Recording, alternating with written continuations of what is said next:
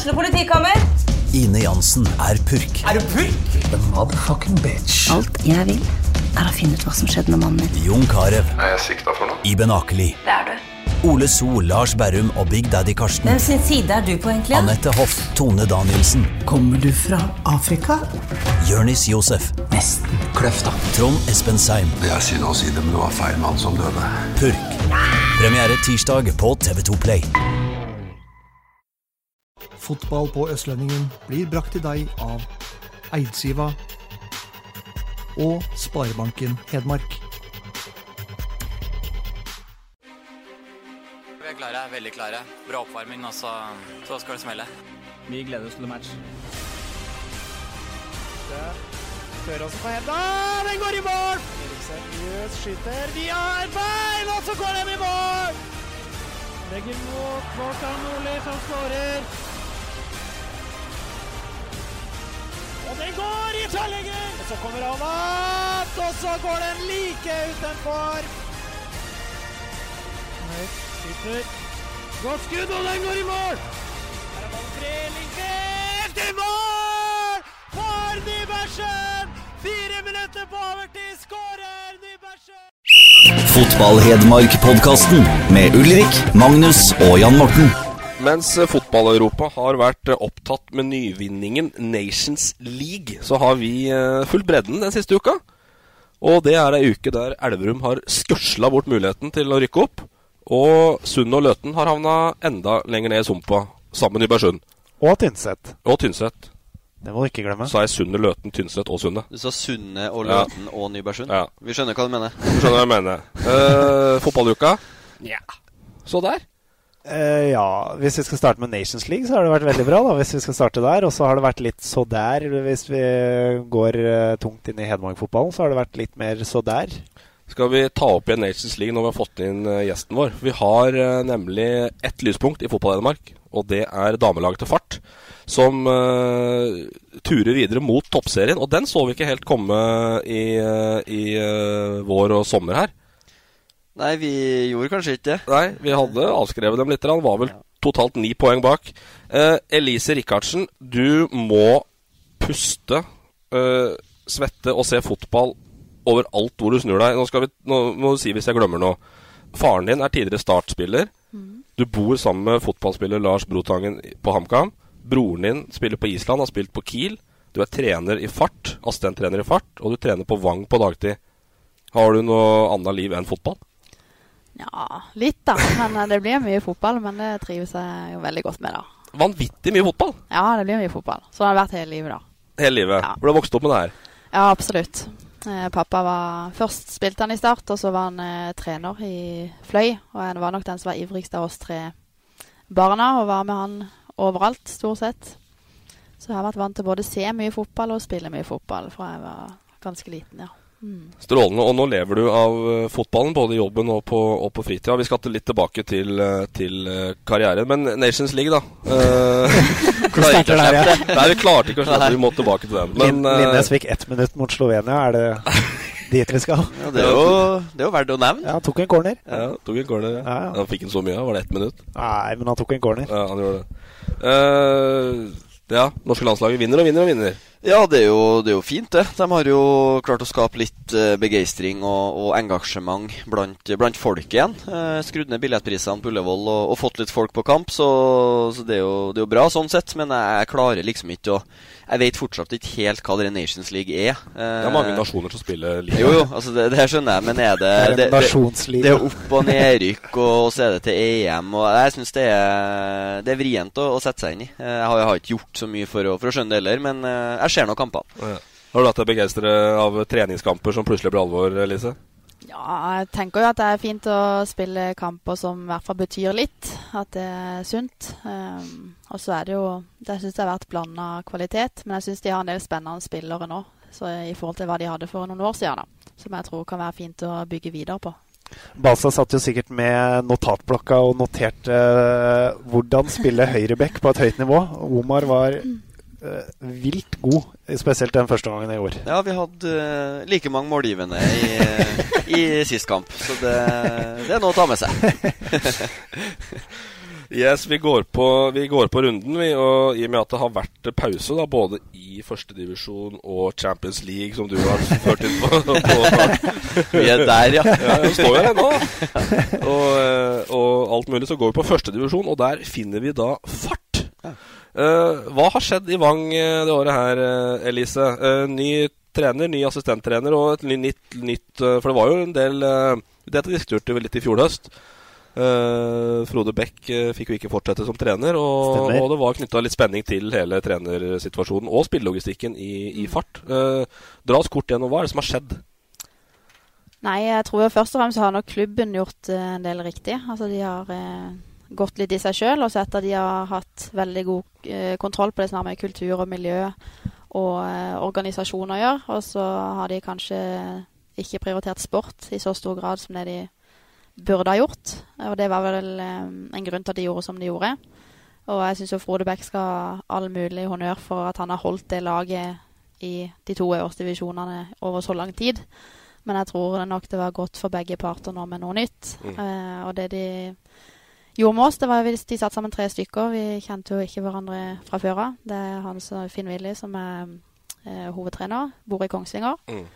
Eh, og så er det meg som eh, er den som er på alle økter i uka. Så har jeg ansvar for analyse. Eh, både motstander og sjøl. Og så er det Inger Ane Hole som er spillende assistenttrener. Eh, det har vi klaffa godt med en gang, og det tror jeg jo har hatt litt å si. Og så har, vi, har, de fått på plass et par spillere med god kvalitet. I tillegg så syns jeg vi har på en måte klart å skape et miljø da, som, eh, der folk har lov til å feile. Og vi har endra måten å spille fotball på. Nå skal det gå langs bakken, og det er vi som skal styre kampene. Så det har nok kanskje vært den største endringa rent sportslig. For jeg kom med en artig fun fact. Veldig gjerne. gjerne. Inger Ane Hole. Hvem er det ekskjæresten til? Nå dette jeg jo ikke Kjent fotballnavn. Michael Stilson. Oi, han, ja. Han avdanka Mjøndalen. Mjøndalen og heimebane, og, og han som prøvde proffeventyret. Så, så det, det, er litt artig. Det visste ikke jeg, faktisk. Valstad kjenner alle. Altså Han kjenner absolutt alle. Uansett hvor det snur og vender, så er det en eller annen sin eks eller Alltid en link. ja, alltid en eller annen. Men hun spiller sjøl, gjør hun ikke det? Jo, det gjør hun. Ja. Og det er jo en med hun og Lene Bredsen som har spilt lenge i fart. Og så har vi jo en rutinert keeper, så har det vært veldig fin kombinasjon. da, Det tror jeg vi er litt heldige med i divisjonen. At vi ikke bare har unge spillere, men at vi har en fin variasjon innad. Mm. Uh, det er imponerende. Uh, har jo vært kvinnesatseklubben i, i, Hedmark, kanskje litt ved siden av Kongsvinger, uh, de siste åra. Fart, eller egentlig lang tid. det er imponerende det du får til oppi der. Ja, veldig. Veldig imponerende. Har jo vært, var vel oppe i toppserien sist i 2012, og så har det vært klart å holde seg i førstedivisjon. Har jo egentlig aldri vært i nærheten av å rykke ned heller fra førstedivisjon på de åra de har vært der. Og nå på tur opp igjen. Og det er vel en del lokale spillere her òg, er det ikke det? Jo da, vi har eh, absolutt en del lokale. Det er jo ikke, det er ikke nødvendigvis Fart som klubb, men altså området. Og det viser jo at det har gjort en del riktig i klubbene rundt òg, da. Mm. Men eh, Brumunddal og Ottestad og ja, litt fra andre sida òg. Gjøvik-området. Fikk jo en landslagsspiller fra Elverum på Ottestad. Ja. Mm. Mathilde Harviken. Ja. Mathilde, ja. Spiller uh, stopper.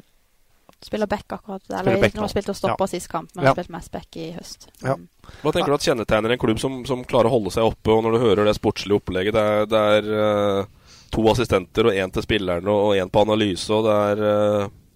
Det er klart det er jo god god personlig oppfølging. det er jo litt sånn at du kommer langt med kalle trivselsfaktor og det å lov til å feile. og og ja, få, få, spillerne til å trives. Det, det, kan konkurrere ut mye, det. Så det, det, er en spennende vei å gå. Eh, på en måte Bevisst legge om og, og satse på, på, menneskelige ressurser. Så det, det, er spennende å høre.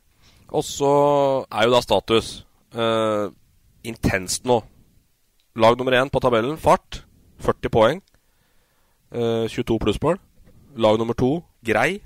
40 poeng, 15 plussmål de to lagene møtes i nest siste kamp. Altså det er tre kamper igjen. Én mm. kamp til helga. Neste helg møtes de to lagene til en Østlendingen-sendt oppgjør. Mm -hmm. I Oslo. Uh, I Oslo. Uh, er det litt Shaky Stevens oppe i Vangsåsa nå, eller? Jeg tror de fleste syns det er en kul situasjon å være i. altså. Og det og det vi har hatt mest fokus på til spillere nå, er liksom at det, det er jo ingenting å tape. Men de to, eh, to andre kampene utenom Grei, er det fare Ja. for noe poengtap for, for dere eller Grei i de kampene? Ja, eller hva skal jeg si da? Vi, hvis, hvis vi er opp mot vårt beste, så skal vi vinne de kampene. Men samtidig så vi spilte uøvert sist kamp nå, og det var jo en kamp vi skulle Ja. ha vunnet. Så, um, så man kan ikke si aldri. Men uh, Grei har nok litt tøffere program enn oss. Ja. Ja, for nå møter jo dere Mekila, som akkurat som slo Grei Ja. i helga. Ja. Mm. Mm. Og så har dere Nå er jeg veldig usikker på uttalelsen her, men Bosse Coop eller Bossekopp? Boss, Bossekopp. Bossekopp, ja. hallo. Ja, De, de har vi i siste. Ja, det er 1P, da. Hollandsk. Men uh, de har De har i hvert fall to poeng, og det er siste hjemmekampen. Mm. Så å være i en situasjon der uh, det leder før den, er jo en Mm. gunstig situasjon, da, for å si det Ja. mildt. Vi er jo eh, Altså, vi, vi ønsker jo å avgjøre det sjøl. Men, men altså, det er ikke noe hemmelighet at Grei møter Byåsen bort i siste, og den er tøff for de. Det er han.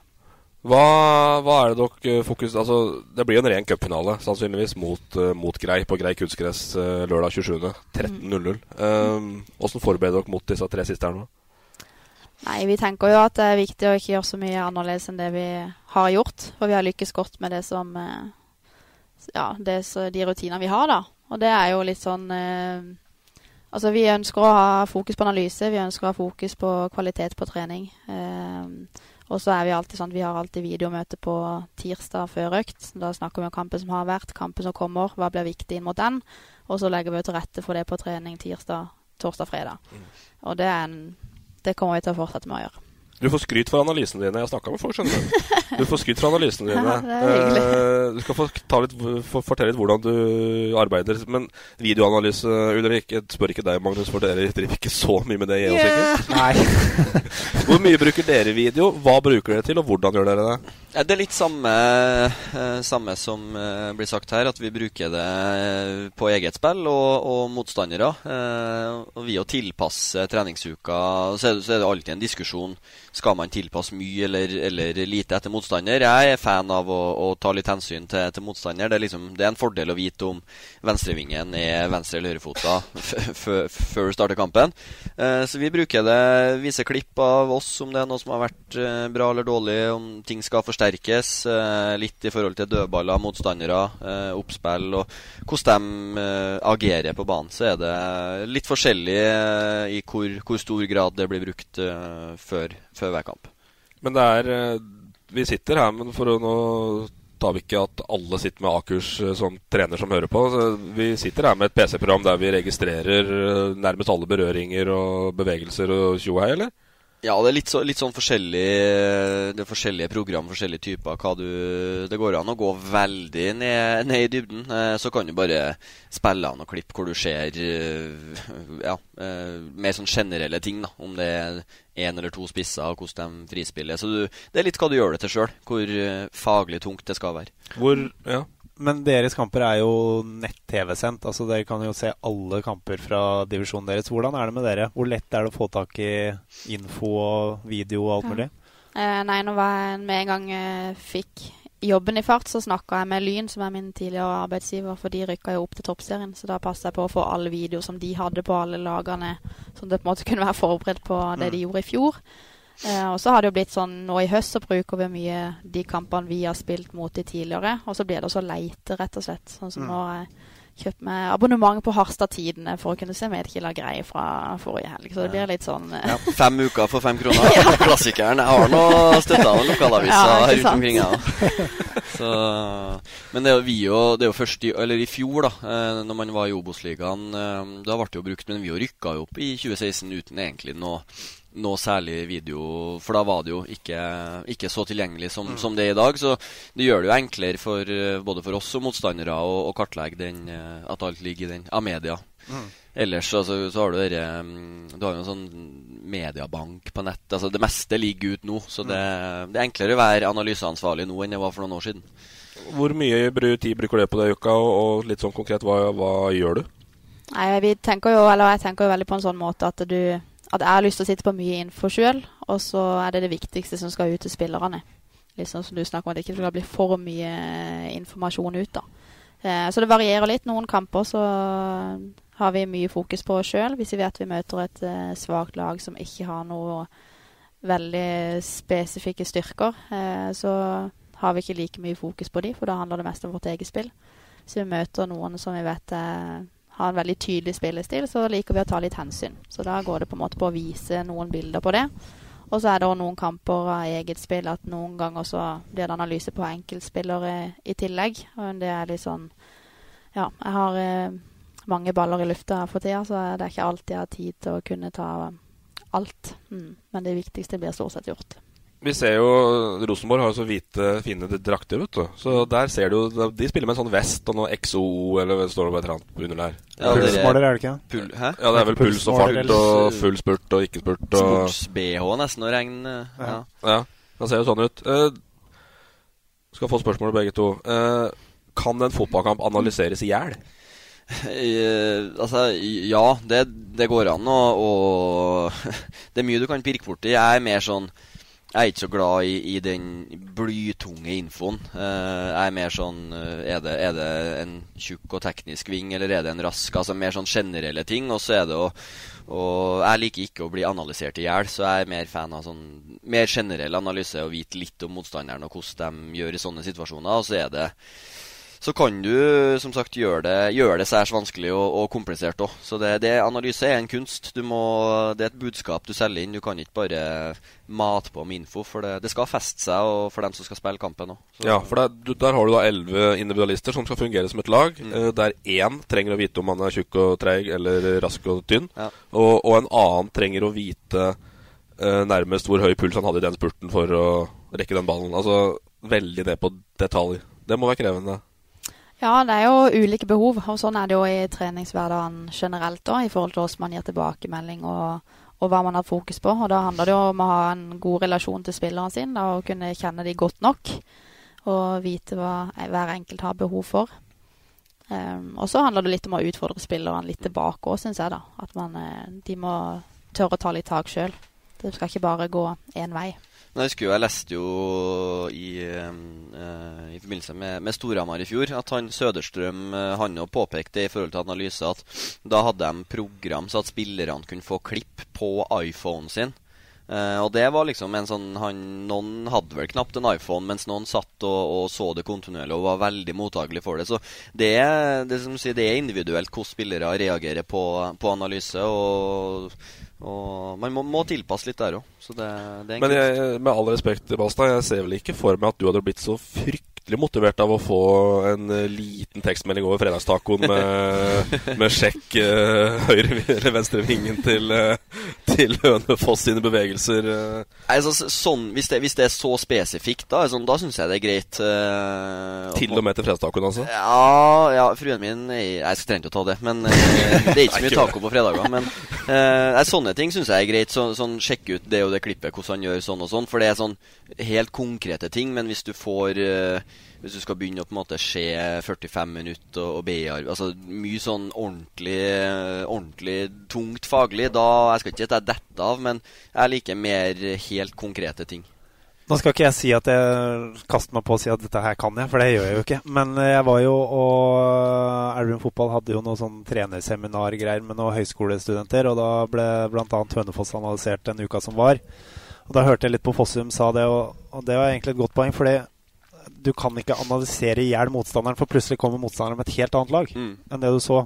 Sånn som dere nå, da. Mm. Hvis Hønefoss analyserer dere med Håkon Røne som midtstopper. Han var ikke midtstopper, det var venstrebekken som var midtstopper. Mm, ja. Så var Enkerud spiss istedenfor Solum. Spilte Engebakk kant. Uh, det gjorde han ikke forrige kamp. Altså Plutselig kommer laget med mm. noe helt annet, med spillere mm. med helt andre kvaliteter. Ja. Så hvis du går deg blind i det og analyserer motstanderen, så kan du gå i skikkelig skikkelig felle. Ja, du skal være ganske sånn sikker og trygg på, på hvordan uh, motstanderen kommer. Så, så, spillestil og sånn er jo gans, er ganske grei. generelt, men så klart så, så, kan det være så at det, som du sier at Håkon Rønes er, er midtstopper og, og er høyrefota, og plutselig så, så, kan du ha en vikar der som er venstrefota, og da er alt uh, snudd på hodet igjen i mm. neste kamp. Så, så nei, det er et poeng, det. At du, du skal ikke analysere deg i hjel. Jeg tror at det er ekstremt viktig at liksom, altså, eget lag må være det viktigste. Og vi tenker i hvert fall vi, vi har en ramme, da, og vi skal være innenfor den ramma. Men innafor der så kan det være små endringer og tilpasninger. Mm. Men det er noe med at både vi må se at de er ikke store, og vi må klare å selge de inn som at dette her er ikke Vi endrer ikke spillestil. Vi gjør den lille endringa for Mm. å matche det bedre. Og så, ja. Eh, nå skal vi ikke eh, du få ansvaret for dette her overhodet, men sist fart vi- det, det må jo være lov til å, å, å håpe og tenke et opprykk her. Uh, det må være lov. Absolutt. Eh, og sist fart var oppe, så gikk det ikke så fryktelig bra. Eh, det går vel egentlig ikke an å gjøre det dårligere. Altså, Vi snakker null, null poeng og minus 99 i målforskjell. 908. Ni skårede mål og 108 eh, baklengs. Det er mageplask. Eh, er klubben bedre forberedt nå, sånn du ser det? Uten at du vet kanskje hvor forberedt de var da, men du har vel hørt litt, tenker jeg. For jeg regner med at dette er diskutert på fartbanen nå, at dette kan faktisk ende i opprykk. Mm. Nei, de er absolutt mer eh, forberedt. Og det handler både om eh, økonomisk og det å ha flere samtaler og vite hvor ulike spillere står hen, og hvor vi trenere står hen, og ha litt bedre kontroll på hvilke midler vi eventuelt får inn, og kostnader, hvor, ma- hvor mye nytte vi må ha inn hvis vi rykker opp, osv. Så, videre. så det Vi begynte tidlig, egentlig, nå, tidlig i høst nå, å tenke begge variantene, da. Hvis vi skulle gå opp, og hvis vi ikke skulle. Og da, for, for dette var jo litt sånn domino, for du sa at uh, aldri vært i nærheten av å rykke ned. Liten, kjapp sjekk her. De havna ja, på jeg skulle til å spille ja. inn. Ja, det- ja, nei, jeg skjønner den. Men, men havna da på tiendeplass uh, i førstedivisjon, uh, rett over streken sannsynligvis. da. Uh, 2013? Ja. ja, for jeg sjekka alle år bortsett fra 2013. Ja, vi var det i, i fjor òg. Vi var åtte minutter unna å rykke ned i fjor, siste kamp. Ja, det, men, det snakka vi om i fjor, husker jeg. At det Ja. var Ja, det var, om det var ni. Det var noen få minutter Ja. i hvert fall unna å rykke ned. Så vi var, vi var, det var noen et annet lag som skårte, så vi ikke rykka ned. Så vi har nok vært ganske nærme. ja da, men da har vi fått oppklart det. Uh, hva er det som må til da uh, for, å, for å, å berge seg sånn noenlunde i toppserien? Mm.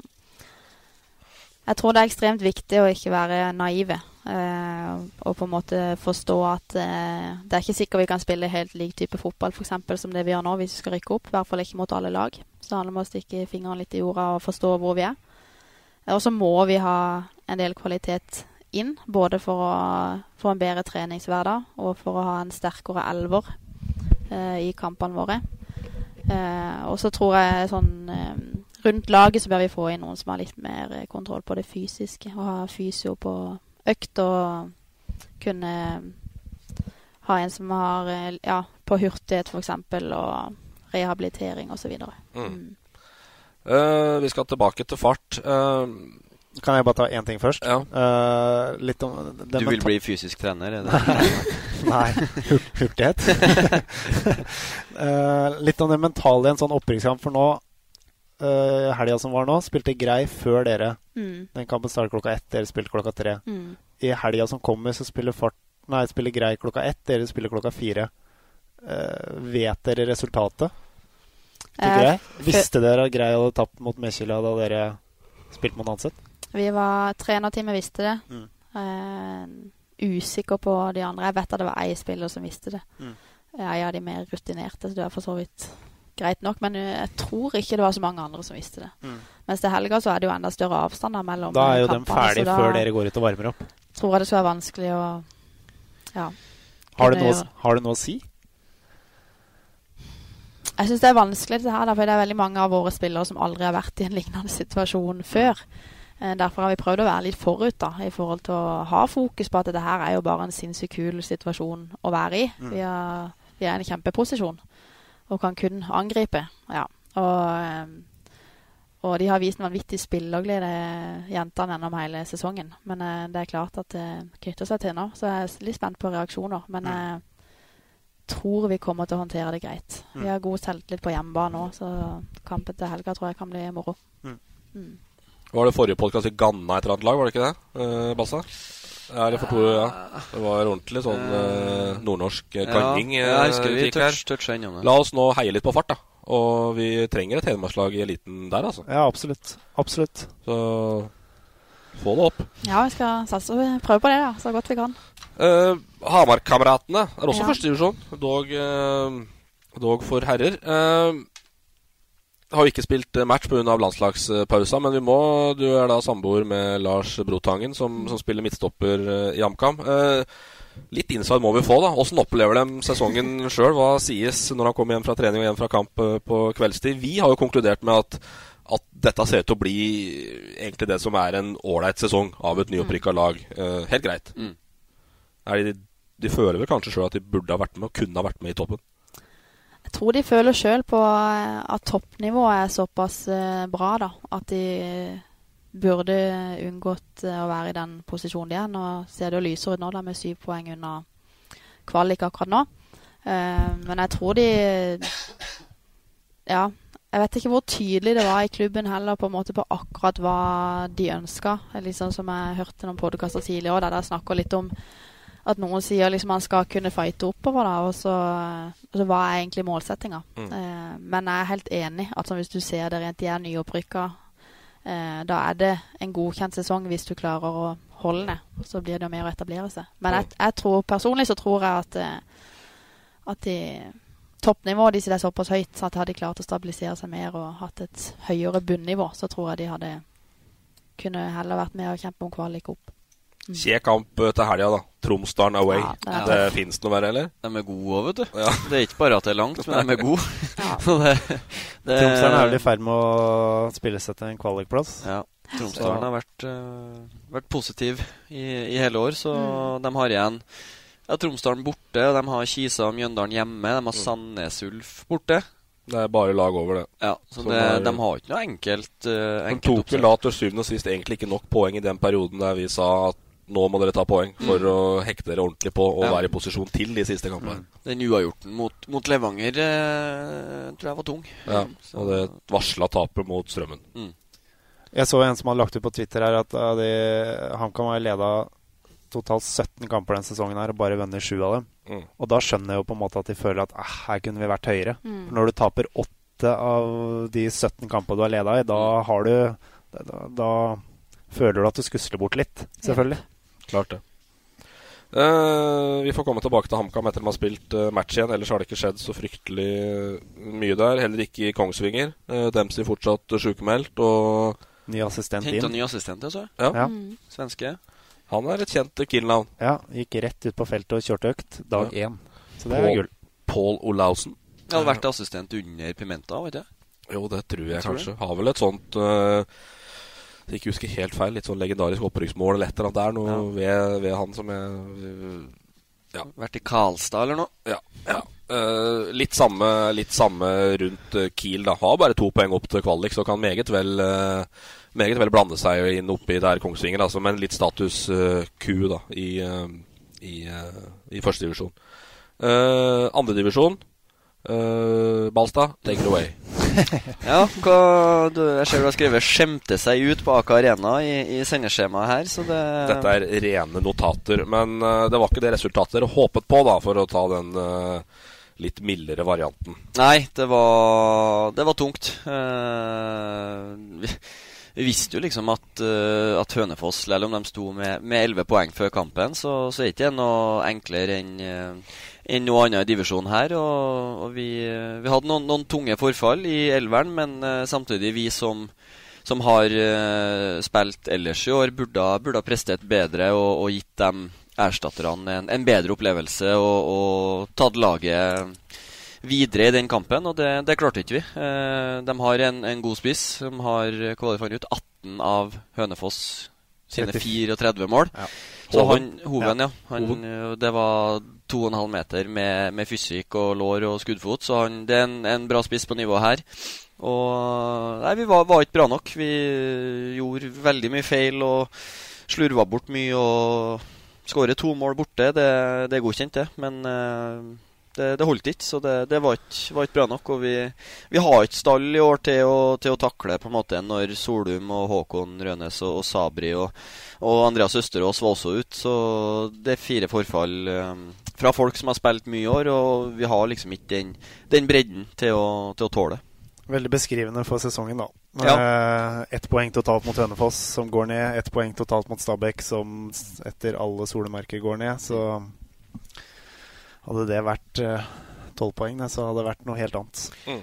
Men så er det, altså, ja, det er jo, men samtidig så alle lag har jo noen sånne bitre poengtap. Altså Fredrikstad røyk hjemme mot Mjølner, Raufoss røyk hjemme mot Mjølner. Det er noen sånne Alle lag har, har noen sånne sure, men klart dem, eh, dem, dem vi har rota bort mot uh, nedrykkskameratene her, det, det blir tungt. Men uh, jeg klarer liksom ikke å finne noe noe grunn til det heller. Eh, Men det, det har du ikke sagt om alle de der ja, kampene mot altså, de bunnlagene. Det er jo et klart og tydelig mønster, jeg, jeg ser jo det. Men, men samtidig så Eh, det er ikke sånn at jeg liksom Åh, eh, nå spilte vi på søndag mot Hønefoss, men da er ikke beina høyt og et glass rødvin Åh, ut og, ut og heppe litt bak og ta med poengene. Altså, du forbereder deg på, Eller var det Du er litt typen som kunne nei. tenkt sånn. Eller var det egentlig det det var? Nei, ja, nei altså jeg Jeg skulle si Du forbereder deg likedan uansett om det er et lag med 11 eller et lag med 40 poeng du skal møte. Så det er ikke snakk om undervurdering, og forberedelsene er de samme. Men vi,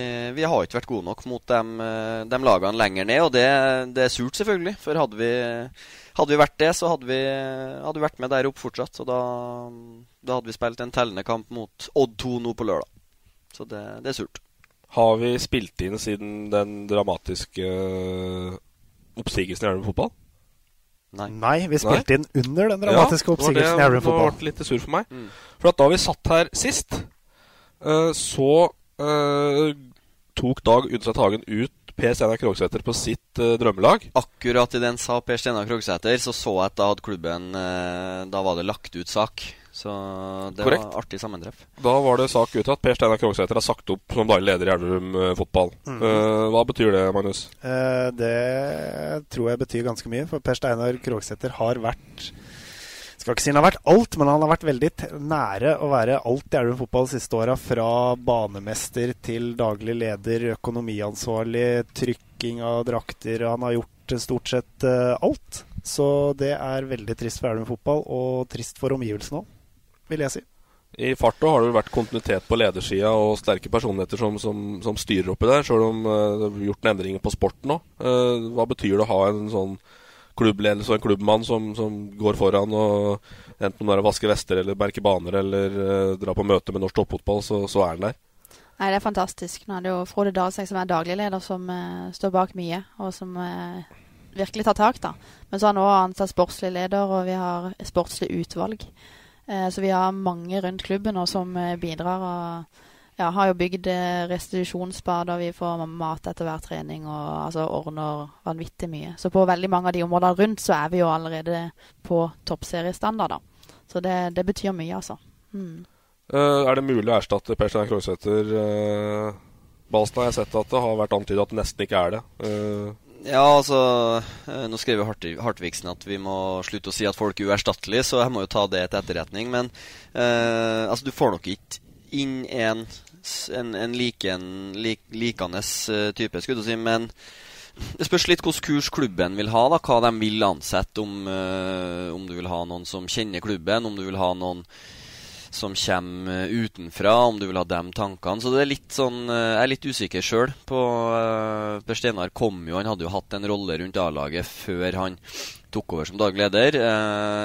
Så plutselig har du noen som, som kanskje vil ja, altså Ikke tone ned A-lagssatsinga, men altså, du vet aldri hva den personen uh, Hvilken bakgrunn har. Altså, det å lede en fotballklubb det er ikke, det er ikke som å lede ei bedrift. Altså, du, du, kommer ikke med dressjakka fem på åtte og, og forlanger samling. Altså, det er så mye forskjellige mekanismer i sving. Uh, det er mye på kveldstid, og det er Nei, så det Men jeg, jeg, mener jo altså, Det er jo ikke min oppgave å ansette uh, denne karen eller, eller kvinna, men uh, man, man, bør ha en viss formening eller en bakgrunn fra fotball. Uh, og vite litt hva du går til. altså Alle de enorme kreftene som er i sving. Det, du må nesten være der litt og, og, ha noen timer sammenhengende på klubbhuset for, for å skjønne litt hva som, hva som skjer i klubben og, og, hva som er i sving. Så, så jeg håper i hvert fall at det kommer noen som har, har et snev av fotballbakgrunn inn. Uh, og som kjenner mekanismene i, i en fotballklubb. Det, det håper jeg. La jo Basla litt føringer her, men, men, det var egentlig det jeg skulle spørre om. Eh, trenger Elverum fotball da en businessmann eller en fotballmann? En fotballmann. Uh, jeg tror ikke Elverum trenger en si, Jeg tror ikke de trenger en daglig leder som daglig leder, da, for Nei. å si det sånn. Du kan ikke komme fra vært høyt oppe i Aker eller et eller annet og så tro at du skal drive Elverum fotball uh, til toppen. Det tror jeg ikke er riktig. Så det med dressen er et godt poeng. Jeg tror ikke det kan komme dress på jobb på Elverum stadion. Nei, og det er det som er viktig å si, at Per Steinar Krogsæter er jo ikke daglig leder for A-laget Elverum Fotball. Han er, han er eh, daglig leder for Elverum Fotball. Mm. Med 1100 medlemmer. 1100 medlemmer og, Det det, og det som 40 er baner og med at klubben er så svær, da, så at når uh, jente sju fra, fra Hanstad skolekrets kommer og skal ha Jeg vil ha litt lite luft i ballen, har det i pumpe, da er det Per Steinar. Eh, og så kommer dommere kommer og skal ha bagetter på kampdag, da er det ofte Per Steinar. Og så kommer Obos på befaring av, av eh, lysene, da er det Per Steinar. Altså det er både fra topp og, og bunn. Altså det er så usannsynlig mye som treffer, treffer daglig leder i en så stor fotballklubb. For det, vi er ikke flere ansatte enn enn at det blir sånn. Så man må vite hva man går til. Det, Men så blir, ja, så blir det også viktig å ikke liksom gå seg fast Å, Per Steinar var så flink. For det Ja, det er det som jeg tror Hartvigsen mener litt i kommentaren sin. Ja. At, at det er lett å gå litt i kjelleren nå, og Ja. så finnes det andre flinke folk. Ja, helt Absolutt, klart. absolutt. Så det åpner jo andre muligheter, for så Så, vidt. altså, per Steinar har jo det, det er noe fullt klar over. Han har jo sine sider, han òg, som, som en, an, en annen daglig leder helt sikkert kan gjøre, eller definitivt kan gjøre bedre. Men det er mest egentlig personen Per Steinar Krogsæter jeg syns er, er, er det største tapet. For han er så Uansett hvor irritert du er på han, og, og hvor ja, så, så det, det går ikke an å bli det, for det er noe med det vesenet. Han, det er så mye energi, og han har et smittende humør, og han er, er jævla ålreit å jobbe med, rett og slett. Så Og, og, og, og, der er han jo erstattelig. Ja. For alle mennesker er unike. Ja, ikke sant? så... så. Så Nei, det blir, det blir spennende. det. Og det, det blir en eh, De må hvis en skal være i gang på, på tippinga 1.2., og de fleste vet du er kandidater har vel et par måneder oppsigelse, så på en måte det må, det må komme ut i utlysning, og man må begynne fortløpende nå. Så det blir spennende. Mm. Uh, Sunne, kjapt. Eh, status quo der òg, egentlig. Eh, Ja. Fram driver og herjer og, og rykker ifra som varsler. Hørte det først her. Eh, men eh, Formlaget Fram? Formlaget Fram. Fram, fram av Berga. Fram har mer eller mindre berga, ja. Uh, da står det mellom Odd og Nybergsund. Eh, veldig sterkt bortepoeng mot Mjølner, men det betyr egentlig null og niks for situasjonen. Det gjør det. For det, det spørs jo, som vi snakket, altså ikke for å avbryte, men som vi snakka om, nå er vi Odd 2 på lørdag. Eh, og Odd A-laget har jo Haugesund på søndag. Mm. Så da har de Det har ikke vært noe A-kamp imellom, så er det jo samme eh, I beste fall eh, for Odd, eller i verste altså Spørs jo hvordan man ser det, så er det det laget de sendte ut på mot Raufoss. Mm. Eh, så de kan sende hit. Og så Ja, mulig de er med. Jeg vet ikke hvordan de tenker. Om de uh, satser på en måte å avgjøre alt og skrur på van vanningsanlegget litt ekstra nede på Skagerrak uh, når de møter Sundet. Og, og satser alt på den kampen, eller Det, det blir spennende å se hvordan de angriper de to siste. For de går nok for å berge plassen. Ja, Nybergsund må, må slå Hønefoss hjemme. Og så må de håpe at Elverum tar poeng mot Odd. Da er Sund i en situasjon der de klarer seg med uavgjort til siste kamp. Det, er, det tror det har ikke vært noen brune konvolutter med Trysilbussen nedover Hva sa du om det Det har ikke vært noen brune konvolutter med Trysilbussen nedover siste uka, nei? Nei, jeg har Ekstra ikke- motivasjon, nei? Jeg Har ikke sett noe. nei. Sjekk postkassa. Uh, Kommer på Vips det. I, i 2018. Nei, ja, men Nybergsund kan rykke ned til helga. Det kan de. Kan rykke ned til helga.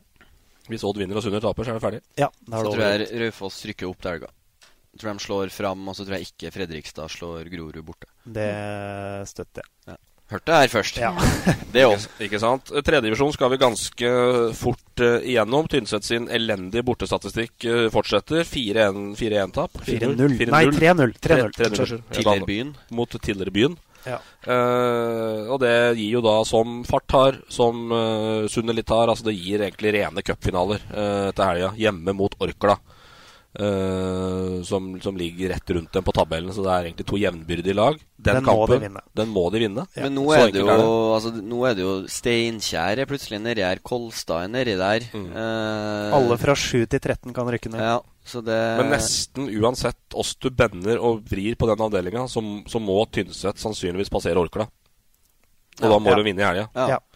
Så har vi sånn som Løten, da, som eh, Nå nå stilte jo Rosenborg 2 eh, Altså ikke et hvilepulslag, men de, de toppa jo ikke laget hjemme mot Levanger 2. Og Levanger 2 stilte jo med Robert Stene og hadde med litt sånn krutt, men det ble 5-1 likevel. Så det, den Rosenborg 2 borte i siste kamp, den, er- den er guffen. Min spådom er at Løten går ned og Tynset klarer seg til slutt. Det kan vi bifalle. Ja. Det kan vi bifalle. Ja, altså, men Orkla ned òg, da. Ja. Ja. Og så må Tynset passere et lag til, men jeg tror Tynset har seks poeng på de to siste, og da berger de. Ja.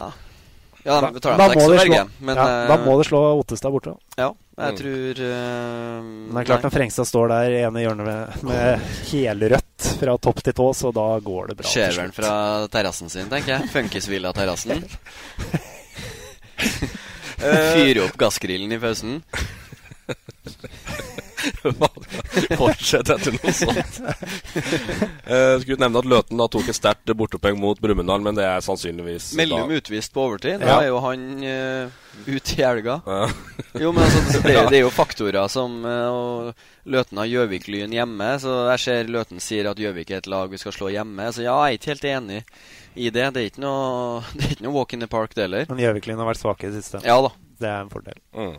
Eh, før vi kobler på Elise litt igjen, så nå har vi gått ned i grøten uh, her, altså. Uh, litt debatt rundt Elverum 2, som ikke har noe med A-laget til Elverum fotball i hvert fall. Nei, men han stilte med to mann som har uh, A-lagsfotball for Elverum i år. Vi kan vel ikke dra den om veldig mye lenger enn det, tror jeg. Eh, mot Ringsaker, som bare skulle, apropos happe, og happe seg opp i fjerdedivisjon. Uh, Tapte 1-0 på Elverum stadion. Og da Jeg skal ikke si hvor mye surmuling det ble, da. Men det ble Nei. i hvert fall sagt Det ble stilt at- spørsmålstegn Ja. ved, er det riktig å si. Den henvist til podkasten. Ja. det var det. Det er jo gøy. Ja. Okay. Men så var det jo litt fram og tilbake med noen mente at det ikke var bra, og noen mente at uh, de må jo få lov å spille fotball hvis de har lyst til det. Og så Så må vi ta med han treneren til Nes, da. Som, uh, dro, en fin, ja, som Ja. dro en fin en, hvor han skrev 'Enig er noe dritt når klubber utnytter regelverket. Må føles bittert å legge ved bildet av da Ringsaker bytta hele laget Ja. i serieåpninga i sjette divisjon. Den syns jeg var fin. Men så avsluttes det med Erik Sikkbakken, som spiller på Ringsaker, har spilt andredivisjon for Brumunddal noen Mm. sesonger. Som skriver godt å få en reality check. Dette er tross alt gutter som har seks innhopp til sammen i år. Så overhodet ingen unnskyldning for oss at de var med, og det er et godt poeng. Ja, men så er det altså Selv om jeg sa i sist podkast at, eh, at det er et, et studentlag, så, så, så er det jo det, det er jo ikke sånn at de har et eget klubbhus. Altså, de, de går jo i samme, samme korridorer. Altså, vi ser jo gjengen der daglig. Så, så uh, det er jo ikke verre enn det enn at de uh, Vi, hadde, vi som spilte kamp på søndagen, vi hadde restitusjon på på mandag, og da var det såpass få stykker som var Vi hadde en tynn benk på, på søndagen, så var det et par stykker to da, i tallet som, som ble med og spilte uh, toerkamp. Så, så det er jo fortsatt et studentlag, men uh, altså, verden er jo ikke større enn at man snakker med folk tilknytta A-laget. Og i dette tilfellet så, så ble det med to stykker, og det, har jo, det var vel to stykker som var med borte mot Vang, og, og Berntsen, keeperen, sto i mål borte mot Ringsaker, så det er ikke noe sånn Det kommer jo ikke som julekvelden på kjerringa at det plutselig var med to. Uh, men selvfølgelig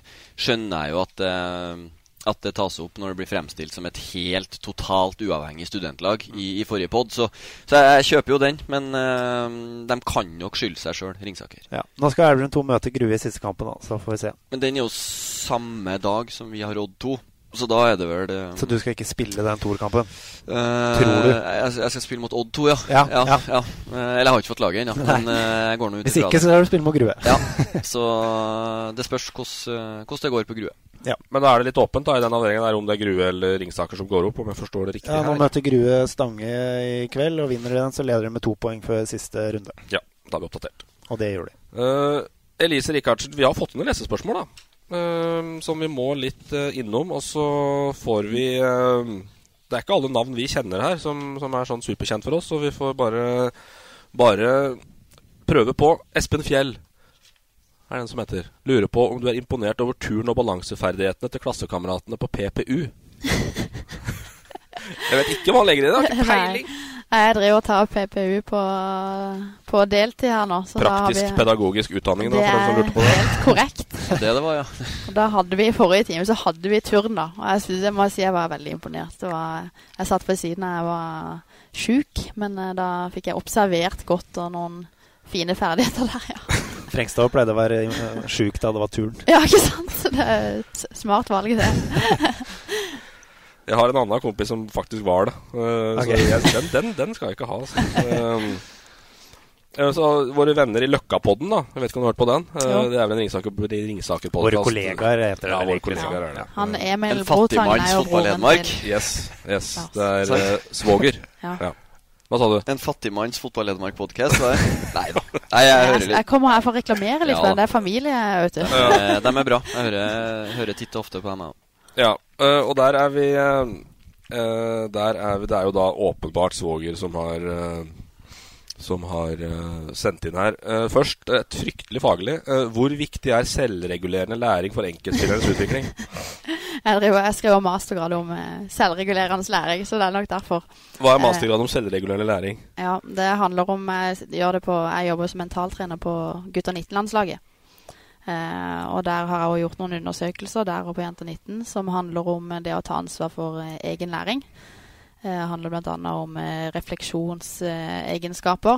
og det er jo veldig vist nå da, at for å ta steget fra talent til toppspiller, så er selvregulering en av de absolutt viktigste tingene man bør inneha for å kunne ta det steget. Det er mulig å hyre deg til å analysere vår venn på på Høybekken Elverum. Kan jo bare si hvor gikk det galt i den der Du var et kjempetalent. Ja, ja, nei, jeg hadde ikke noe fokus på selvregulerende læring da jeg var 19, eh, 19 i hvert fall. Så det er mulig man eh, skulle ha visst det man vet i dag. Men, men fotballen er ganske komplisert med, med sånne type ord. Når man kommer, Vi hørte Brunken var her som gjest tidligere i år og snakka om i forhold til det med kvalitetsklubb og, og akademiklassifisering. Mm. Uh, han hadde et helvetes sitat her fra en eller annen sånn uh, Du møter noe fremmedord og noe krevende greier for å omsette det til ord ut til spillere. Ja, og det er jo sånn selvregulerende lenge hører jo fint, men hvis du tenker på hva det betyr i praksis, så betyr det kanskje at du har spillere som uh, stå, kommer før trening, står igjen etter, er nysgjerrige, stiller spørsmål. De skjønner litt hva som skal til. De reagerer positivt når de feiler, osv. Ta ansvar for egen utvikling, på godt Ja. norsk. Ja. Men du hadde jo sånn som den, eh, for å dra det fremmedordbegrepet dere Akademiklassifiseringa, det er jo det tyngste av eh, norsk fotball har å by på av sånne teoretikere. Og da kom det opp et, eh, et nytt begrep. Fåtallsangrep. Vet du hva det er? Nei, det, det, er, kont det er kontring. Hvorfor, altså, hvorfor man, jeg skjønner ikke. Fåtallsangrep? Altså, det kaller jeg kontring, da. Det er sånn uh, pompøst. Ja, Litt sånn det er Høgmo, Høgmo-style. Ja. Eh, ja, så må vi sette det på kontoen for, uh, for uh, Var det Erik, Erik Brotangen? B Nei, Emil. Emil, unnskyld. Emil eh, Brotangen. Helt sikkert vi får ta han for det. Han lurer på rett og slett hvor romantisk Lars Brotangen er på en skala fra 1 til 10. Nei, 1 til 100. Unnskyld. Nei, jeg tror ikke han er den som scorer så høyt på skalaen der, altså. Jeg vet ikke hva jeg skal svare, men det er nok under, under 50. Han Ja. hadde et flott frieri i sommer, da, så det skal jeg skryte, skryte han for. Nettopp. Der dro det oss elegant inn på det sjøl, og det var helt perfekt. For vi skal ikke være noe sånn Se og Hør-podkast på noe som helst eh, vis. Men det bryllupet har kommet opp, skjønner du. Ja. Eh, fordi at eh, det har vært litt av en kabal for å få til å finne plass til. Og Ja. der har vi vært dypt inne i hovedterminlista hos NFF for å rett og slett klare å finne dato for det bryllupet mellom deg og, og Stemmer godt. Ja. Hva, har du funnet dato, eller? Ja, nå eh, har vi i hvert fall fått bekrefta når det er fri, så da blir det i begynnelsen av juli en gang. Nå venter vi litt på bekreftelse. Vi skal ha det i, i Hellas, så da må vi liksom reise litt òg, da. Så da er det litt med å få det til å klaffe. Men For- det gikk en del mail og telefoner frem og tilbake i et par uker for å finne ut av det der, ja. Ja, for da må vi ta høyde for terminlista til fart. Vi må ta høyde for terminlista til eh, HamKam. Mm. Vi må ta høyde for terminlista til noe landslag. Mm. Og eh, litt på gjester og foreldre og tjo og hei òg. Så klart, Mm. da begynner det å bli komplisert her. Du skal ikke ta det for gitt at HamKam og Fart har fri på samme, samme sted på sommeren. Og så skal jo broren din sikkert dit, så da må jeg ta hensyn til Island. Og det er jo en helvetes kabal skal få til å gå opp. Ja, det var det styret til dette her. De venninnene mine da, som ikke er like fotballinteresserte, de skjønte ikke helt denne logikken da med at uh, bryllupet skulle planlegges ut ifra dette, men Nei, for det kom jo da en eh, til den kilden jeg prata med, vi røper ikke våre kilder her. Uh, spør seg jo da litt morsomt faktisk om det da er mulighet for midtukebryllup med late kickoff. Bryllup på O'Learys. Skal ikke se bort ifra det. Onsdag kveld. Det har vært fint, det, da. Ja, det Ja, absolutt. Det hadde ikke vært dumt. Uh, litt uh, tilbake til bakgrunnen din. Uh, var spiller sjøl òg. kom Ja. deg opp i toppserien Ja for både eh, er ikke med Fløy, kanskje, men eh, Don og, og Amazon Grimstad. Ja. Uh, og en karriere som blir litt ødelagt av skader.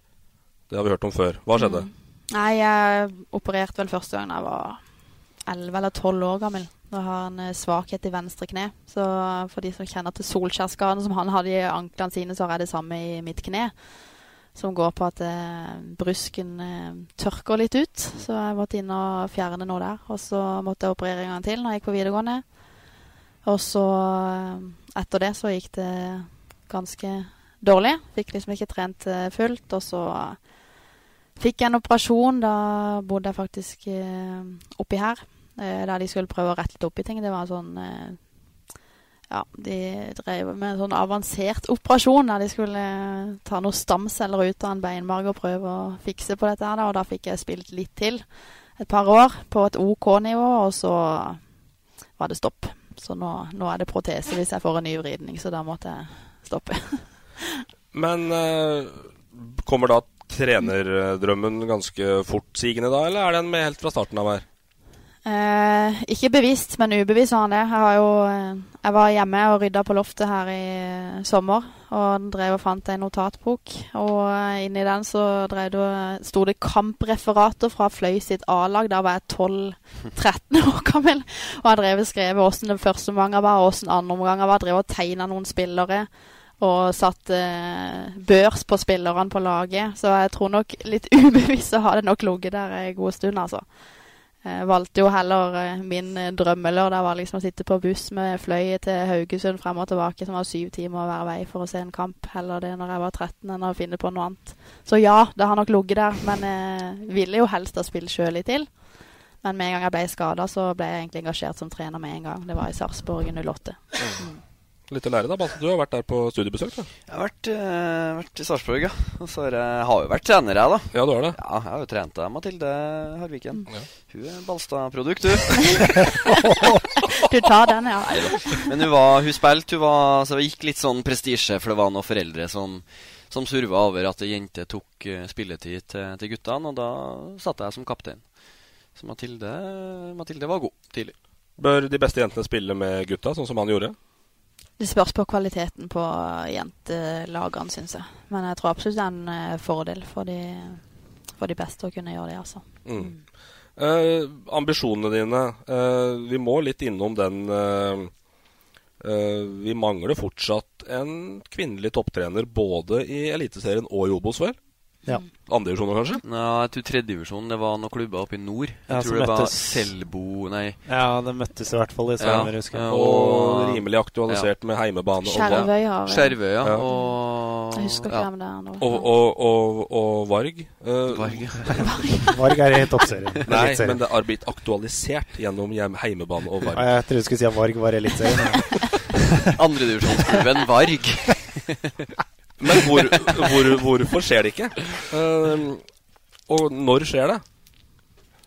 Jeg er usikker, altså. Jeg har tenkt mye på det sjøl. Jeg har fått veldig mange spørsmål om hadde det kommet en mulighet, ikke nødvendigvis der oppe, da, men uh, sånn generelt for et herrelag, hadde du tatt den? Og det syns jeg er vanskelig å svare på, for jeg mener at falløyden fallhøyden kan være ganske stor, da. I og med at ikke det er etablert allerede, så skal du være, skal være litt tøff for å ta på deg det. samtidig så ser jeg en endring, da. Jeg har fikk senest for noen dager siden melding fra en, fra en klubb som lurte på om jeg var villig til en samtale, og det var en herreklubb. Så det er på en måte, det er jo på Det skjer jo noe, og det syns jeg er kjempepositivt, selv om jeg er nok ikke klar for det enda sjøl. Eh, men jeg håper at noen hiver seg uti det snart. Men eh, hva som gjør at ikke syns jeg er litt vanskelig å svare på, men det handler jo om eh, om eh, kultur og, og hvordan det faktisk har vært. Og det er jo ikke bare sånn på trenersida. Du kan se på daglige ledere og sportslige ledere osv. Mm. Jeg tror det er kun kultur det egentlig handler om. Ja. Eh, at det, det, som sagt, noen må være den første. Ja. Eh, og Nei, altså, ja. I hvert fall på Det, det er vanskelig, det der. På i forhold til ja, hva, hva ser du etter i, i herretrenere og Ja, for den, den, den, utdanningsløpet som nå er lagt fra Norges Fotballforbund helt fra barnefotballkveld og grasrottrener mm. til Uefa Pro uh, hvis, du havner, hvis, du kommer deg gjennom det på et, uh, på et vis, mm. om du er mann eller dame, uh, så, så, så, sitter du da egentlig med en helt lik utdannelse. Ja. og, og fotballfagligheten er jo der. Så da handler det tilbake på kultur, da. Ja, og også, også er erfaring. Altså Det er nok litt ulike mekanismer, skulle du si, hvordan du eh, i forhold til hvordan du snakker til, til jenter, og, og hvis du trenger ikke å ta den nå, men altså hvordan du behandler dem, og, og i forhold til prestasjon. Så nei, det, det er vanskelig, det der. Hvem Mm. som uh, på en måte bryter isen og, og tar det første. Det, det er veldig sånn tids, tidsaktuell Mm. problemstilling. Jeg tror kanskje første steg er sånn som eh, Nå jobber jeg som mentaltrener med de guttene, da, men det å jobbe i team, Mm. det tror jeg kan være kjempesunt. Og det er noe jeg veldig kunne tenkt meg sjøl, og jeg er absolutt ikke låst på noen side. Eh, men det tror jeg kunne vært veldig fint for begge parter, da. Eh, Men der føler jeg der er det mer sånn akseptert. Elverum håndball har jo kvinnelig mental Mm. trener. Altså Der er det litt mer Ja, men jeg tenker eh, sånn som er vel- medtrener, da. Eller en Mm. delt Ja. stilling. Altså, Det er, vel ingen, det er vel fortsatt ingen som Arrester meg gjerne, men i hvert fall i Obos som har hatt kvinnelig assistent med heller. Nei. Nei, det det er tror jeg jeg, jeg tror kanskje det Begynn der, da. kan Mm. godt hende at det blir et første steg, i hvert fall. Vi får Mm. se. Mm. Eh, strålende. Uh, du har med deg et, uh, et dr drømmelag òg. Ja. jeg håper på noe kvinnelig innslag her, altså, så vi blir litt kjent med, med, med litt spillere. Mm. det har, vi har ikke vært bortskjemte med det. Vi har Siv Prest. Det er vel egentlig eneste Vi kvinnelige faller tilbake på hver gang. Ja, det er vel eneste kvinnelige Ja, men hadde Rekdal Ja, hun hadde, nei, hadde, Hun hadde ikke lag, Nei, det var før spalten kom. Nei. Nei, det var kanskje ikke det. Nei, jeg husker ikke. Uansett. Hadde ikke tid, eh, vi er spent på om det er et sørlandslag, eller hva vi får her, eh, Elise. Nei, jeg har jo prøvd å lage et lag som er litt eh, hva skal jeg si, publikumsvennlig Ja, da. det liker Så, ja, så at man vet litt hvem folk er. Ja, ja. Eh, og så har jeg gått bort ifra valgt bort på en måte de som spiller i fart nå. Så har jeg egentlig kalt laget for Mor og bør skal, for det er noen som er obligatoriske, som jeg føler jeg ikke har noe valg. De må bare stå der. Mm. Så er det noen som jeg tror er taktisk smarte av meg, som bør stå der. Og så er det noen som skal stå der eh, fordi at jeg ønsker at de skal det. Strålende. Vi begynner med keeperen, da. Ja, det er jo eh, en fartlegende i mål, som jeg har faktisk ikke peiling på hva hun heter til etternavn, men jeg, hun heter Liss. Hun er mekaniker, hun kjører bilcross. Og eh, helt fantastisk type, og har stått stor på toppserien i fart når de var der sist, og stiller opp på alt som er av treninger, og hvis vi trenger keeper på trening, og er en fantastisk type. Gammel er hun? Ah, hvor gammel kan hun være nå? Kanskje 34 eller noe sånt. 34, ja. Så hun hører hjemme der. Liss i buret der, altså? Jeg, Googles for harde livet her nå for å prøve å finne hva Liss heter, da. Uh, ja, hun ikke- hun heter noe Lisbeth, Elisabeth. Lisbeth Johansen, tenker jeg. Ja, stemmer det. Lisabeth Johansen, ja. Elisabeth? Ja. Ja. Strålende. Ja, og så er det stilt opp da i Vi har en firer bak, og så har vi en diamant på midten, og så to eh, spisser. Vi begynner med stopperne, og de var ganske selvskrivne. Eh, Lars hadde nok slakta meg hvis ikke jeg hadde herlig. lagd plass til han der. Så han får få den eh, høyre stopperplassen. Eh, og så har, ved siden av seg så er det en eh, må-spiller som må stå der der òg. Det er pappa. Eh, han har solgt inn noen gode Nei, jeg måtte ha han med. Han eh, spilte jo stopper, han òg, så derfor de utgjør den. Så forsvarstrekker er jo veldig familieprega, for jeg måtte jo ha bror eh, Jørgen, Ja. som er fra Kongsvinger, da, på, på Han fikk enn han, da. Han fikk høyre der. Han fikk høyre. Det er der han ikke, han ikke innover venstreback. Nei. Nei. så er han, han passer godt å spille wingback, da. Stor Ja. løpskapasitet og ja, gjør jobben. Han gjør det som skal. Ja. Og så på venstre så måtte jeg jo ta eh, Nico Mikkelsson, HamKam-spiller. Han er jo både på Ble jo kjent man først der da på landslaget, ikke gjennom HamKam, egentlig. Ja. Mm.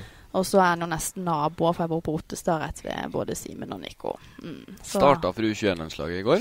ja, han gjorde det. Han spilte begge gøy. de to. Ja. Han starta mot Tyskland og fikk debuten der. Spilte Mm. en ganske ålreit kamp, så det er moro. Så får vi jo for hans del virkelig håpe at Strømsgodset klarer å holde seg, siden han skal dit etter sesongen. Og satse på han, ikke minst. Er dere nesten naboer, Frekstad? Vet ikke, det får vi ta etterpå. Det kan får vi Otstad finne ut av. Otstad er ikke så stort, så det er Spørs hvor dyrt eh, huset ditt er, si.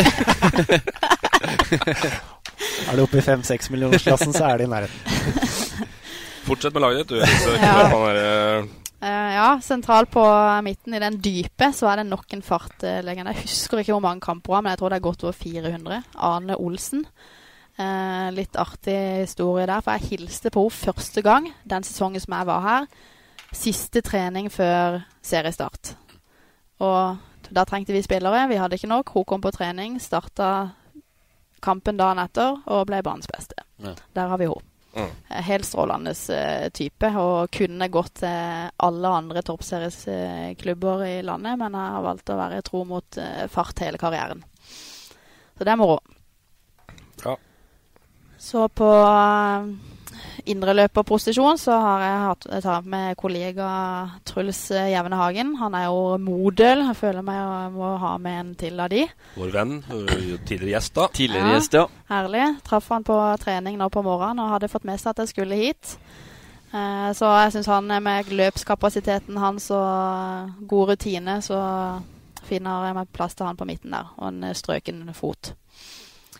Og så da på eh, andre indreløperen så har vi den kreative sjelen i laget, og det er Frida Månum, som eh, spiller på damelandslaget nå. Spilt med henne sammen, sammen med henne i Lyn. Eh, er 99-modell, så like gammel som Nico og Sime, men har allerede fått en god del landskamper og spilt for, i EM for damene, så det er jo vanvittig imponerende. Fantastisk kreativ spiller. Noe av det råeste jeg har møtt. Og så har vi jokeren på laget, som er offensiv mitt, som jeg tror ingen har hørt om. Det er Håkon Økelsrud Pedersen. Han spiller jeg med. Ja, han spiller, det var det jeg skulle spørre ja. om. Jeg trodde Oi. at jeg så dere. Stemmer det. Han skårte også et helt ellevilt mål mot Hamar uh, for et par uker siden. Det er altså det sjukeste jeg har sett i femtedivisjon. Vi var så på den kampen, faktisk. Ja, han er vanvittig god, altså. Han er ja. da bestekamerat til Lars, og han er også grunnen til at vi og Lars er sammen. For det, han fikk meg til å jobbe på folkeskole, han fikk Lars å gå på folkeskole, og det var der vi traff hverandre. Ja. Så han, eh, og han, er, han, var fantastisk når han var ung, har jeg hørt òg. Så skal jeg jo legge til, bare sånn ettersom jeg vet at vi har uh, lyttere som spiller på rivaliserende klubber i femtedivisjon, han er egentlig ikke så veldig god. Sånn Og veldig skadeplaga. Ja. Det, er for, det er for så vidt sant. Dere ligger jo i bånn i femtediv, ja, tross alt. Vi gjør det. Ja. Spilte du den Hamar-kampen? Ja. Så du har sett Magnus spille, altså? Ja, jeg har det. Ja. Husker du den, eller? Ja, det var det jeg syntes var noe kjent. Det var derfor jeg lurte på om kanskje ja, det var, var ikke, han, han, var ikke brennende. Du så han liksom i ruva, men ja. Så sveisen bare. Palmen. Ja. Nei, men han altså, har nå en eh, kløpper på piano, hvis noen lurte det. Så hvis dere Oi. skal ha noe avslutning, og sånn, så må dere spille han opp litt der. Ja, det er mottatt. Mm. Så på ene spissen, da, så da måtte han med den andre Ottestad 19-åringen Simen Bokan Nordli. Han eh, har eh, hatt det mye med å gjøre og fantastisk fin gutt. Og eh, ja, håper jo at han eh, Får spille altfor lite HamKam. Mm. Ja, jeg hadde òg Skulle gjerne sett at han hadde fått mer eh, spilletid, altså. Skulle det. Men han er fantastisk god på sitt beste, og jeg syns jo jeg har sett han på sitt beste på det landslaget. Da, der han har vært uh, ganske ekstrem til tider. Mm. Mm. Så det er bra. Og så er det den siste. Det er nok det mest taktiske, smarte valget. For det er sportssjefen på Vang som er Chris uh, Twiddy, så jeg tenker at nå må jeg legge inn Chris Twiddy, ja. ja. Så han uh, lovte at han skulle være en uh, notorisk målskårer på dette laget. Så da har vi min uh, elver der, altså. Chris òg, du fin gjest. Ja, men Emil Holst hadde en artig historie fra når Chris Twiddy var, var hovedtrener. For han er, altså, han, han er jo litt sånn bedagelig kar, det òg. Uh, og det var den perioden etter Bergersen fikk fyken. Så skulle Chris ha, ha trening. Og så Mulig litt sånn dårlig parodi, men jeg prøver nå. Da var det OK, gutter. Vi, vi, spiller firkant, så spiller vi to mål, og så kommer vi oss til helvete hjem. ja, men det er morsomt. For han er, på feltet så er han fantastisk, men han er ikke den som er mest strukturert uh, i hverdagen. Så uh, vi bidrar litt med planlegging og sånn, og så er han veldig veldig flink med elevene og sånne på feltet. Så jeg tror på den historien. Mm. Strålende. Eh, Elise Rikardsen, hjertelig takk for at du tok turen til Elverum og ble med i podkasten. Og all hell og lykke med de siste tre kampene med fart. Vi er tilbake om ei uke, så Vi har kruttsterk gjesteliste inn mot jul her nå, ja. så det er bare å holde på hatten. Hold på hatten. Og abonner på oss i iTunes og Spotify, så kommer vi til en eh, mobil enhet nær deg fryktelig fort der, altså. Bra. Takk yes. for i dag. Hei då. Ha det. Fotball-Hedmark-podkasten med Ulrik, Magnus og Jan Morten. Fotball på Østlendingen blir brakt til deg av Eidsiva og Sparebanken Hedmark.